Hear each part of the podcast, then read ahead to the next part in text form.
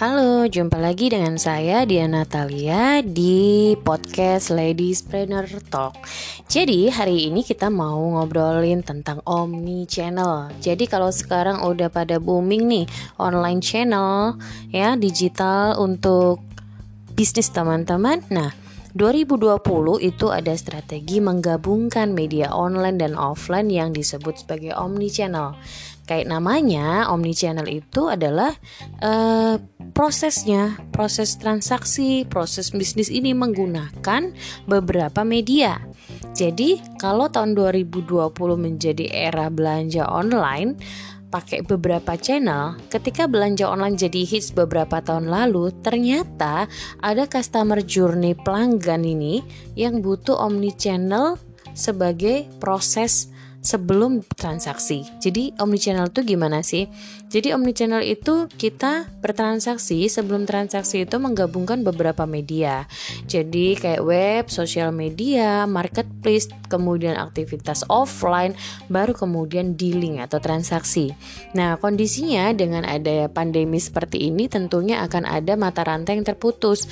Tapi dengan adanya omnichannel ini sangat-sangat menolong untuk para pebisnis yang masih belum go online mereka bisa lanjut go online sekarang dengan memanfaatkan omni channel. Jadi bisnis offline-nya masih tetap jalan ditunjang dengan bisnis offline dan online ini tadi.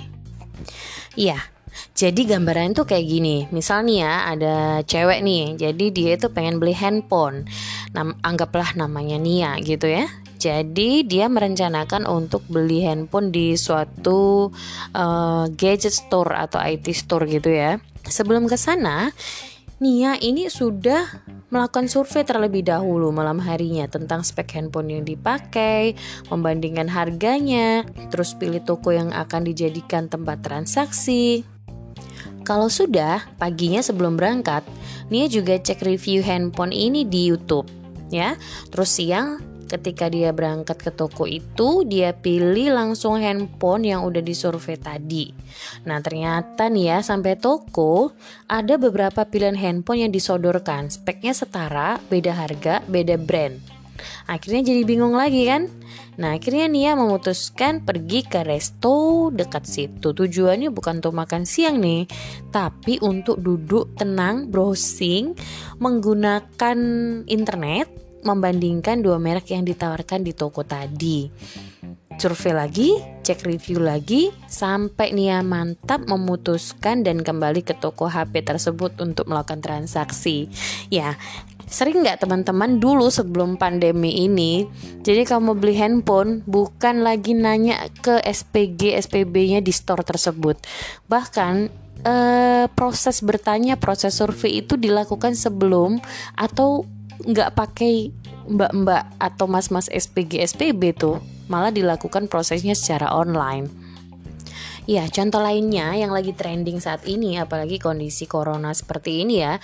Ketika kita work from home gitu ya, udah lapar banget tapi mager banget mau masuk dapur udah capek gitu kan, pikirannya udah capek ngurusin uh, anak-anak yang sekolah di rumah, belajar di rumah, kita juga kerjanya pindah ke rumah. Yang dilakukan sekarang bukan pergi ke dapur, tapi buka aplikasi online, cari makanan yang diinginkan, pesan bayar pakai uang digital dan tinggal nunggu abang kurir datang antar makanan. Aktivitas transaksi itu juga dikategorikan omnichannel. Jadi, gabungin antara media online dan offline. Nah, itu bisa menjadi peluang bagi teman-teman yang bisa masak, yang suka masak, dan masakannya udah layak untuk diperjualbelikan gitu ya. Teman-teman bisa daftar di kurir online itu bahkan nggak usah punya store nggak usah punya depot nggak punya resto bisa memanfaatkan ghost kitchen gitu ya. Jadi ghost kitchen ini masa aja di dapur rumah. Yang penting pendaftarannya verifikasi di kurir online jalan. Kalau di depan rumah pasang aja spanduk kecil penanda bahwa resto ini menyediakan ini. Jadi abang abang kurirnya mudah mencari. Nah itu tadi ya. Jadi yang saat ini trending itu adalah kondisi pandemi ini ketika uh, bisnis yang masih belum go digital mau nggak mau harus langsung go online ya karena ada perilaku yang berubah, ada norm yang berubah. Jadi norm ini adalah bisa jadi besok-besok pun setelah pandemi itu kondisinya udah nggak sama lagi seperti dulu. Teman-teman harus langsung secepatnya go digital apa pun bidang bisnis teman-teman cari peluang cari caranya gimana caranya supaya bisa diakses secara online. Meskipun masih juga memiliki toko secara offline. Dan itu banyak sekali diadopsi oleh toko-toko swalayan menyediakan kebutuhan sehari-hari atau sembako. Itu juga banyak udah langsung menyediakan layanan untuk online. Bisa pakai WA atau kalau yang sudah punya web atau sosial media jadi pelayan pelanggannya bisa mengakses dan dikirim pakai kurir. Begitu teman-teman. Jadi terbayang ya yang dilakukan Nia dan yang tadi uh, yang mager tapi lapar itu tadi tentang omni channel. Jadi pelanggan seperti tadi itu banyak banget bahkan mungkin teman-teman juga sudah mengalaminya sendiri dan baru ngeh oh itu omni channel maksudnya gitu ya. Jadi tiap bisnis sebisa mungkin desain aja bisnisnya supaya bisa menyediakan layanan omnichannel kayak tadi. Karena pengalaman belanja dengan menggunakan beberapa media sekaligus seperti ini akan meningkatkan keyakinan pelanggan untuk segera transaksi. Dan yang penting kita tahu apa kebutuhan pelanggan dan gimana menyajikannya dengan tepat. Gimana dengan bisnis teman-teman?